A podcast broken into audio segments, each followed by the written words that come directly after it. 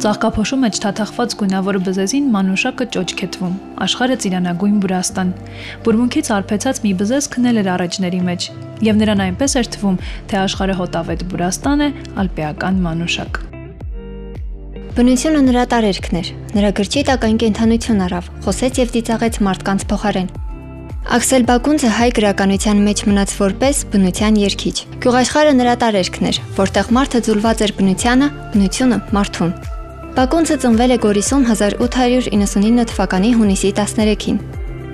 Ալեքսանդրը դարձավ Աքսել, երբ դպրոցում մարմնավորեց Աքսելի դերը։ Բակունցն էլ առաջացավ իրենց տոհմական Բեգունց մականունից։ Ծնվելով տոհմիկ գյուղացու ընտանիքում, նա գրեց գյուղաշխարի առողջվածային բնության եւ մարդկային բիրտ ուժի համադրության մասին։ Իր կարճ ստեղծագործական կյանքի ընթացքում հասցրեց գրել պատմվածքների 4 ժողովածու՝ Մթնացոր, Սև ցելերի սերմնացանը, Սպիտակ ցին, Եղբայրության ընկուզենիները։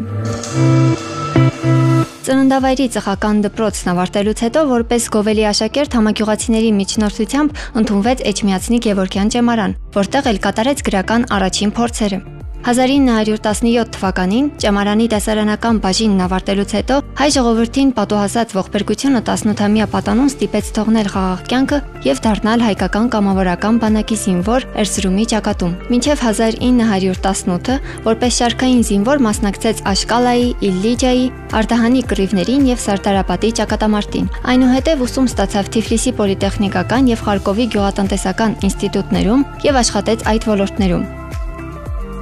Աքսել Բակունցը աշխատել է նաև Մաչկալ թերթում եւ Նոր ուղի հանդեսում։ Խորունգ եւ հանգիստ խառնվածքի տեր գրողը անձնական զգացմունքներ արտահայտելու մեջ էլ չափազանց հավասարակշիռ էր եւ զուսպ։ Նրա կյանքում չեն եղել աղմկոտ սիրային պատմություններ, ինչպես մյուս հայ գրողների կյանքում սակայն եղել են նվիրական անուններ, որոնք տեղ են գտել նրա ստեղծագործություններում։ Այդպիսիններից էր Խոնարը, Խոնար աղջիկը պատմվածքում։ Հերոսուհու եւ Բակունցի պատահական հանդիպումը Աքսելի մեջ արտնացրեց մի ջերմ զգացմունք, որը նա մտովի վերապրեց երկար տարիներ։ Լրությունը երկուսին էլ միայն ցավ պատճառեց եւ դեռ չսկսված սերը տխուր վերջաբան ունեցավ։ Իսկ իր կնոջը Վարվարա Չիվինջյանին Բակունցը հանդիպեց Խարկովում, սակայն նրանց ընտանիքին վիճակված էր դառը ճակատագիր։ 1937 թվականին Ստալինի հրամանով դատապարտվեց ոչ միայն նա, այլև ընտանիքը։ Վարվարան Բակունցի գնդակահարությունից հետո բանտարկվեց եւ աքսորվեց, իսկ մանկահասակ որդին որփացավ։ Բանտակից ընկերոջը բաժանման պահին Աքսել Բակունցը հորդորել է.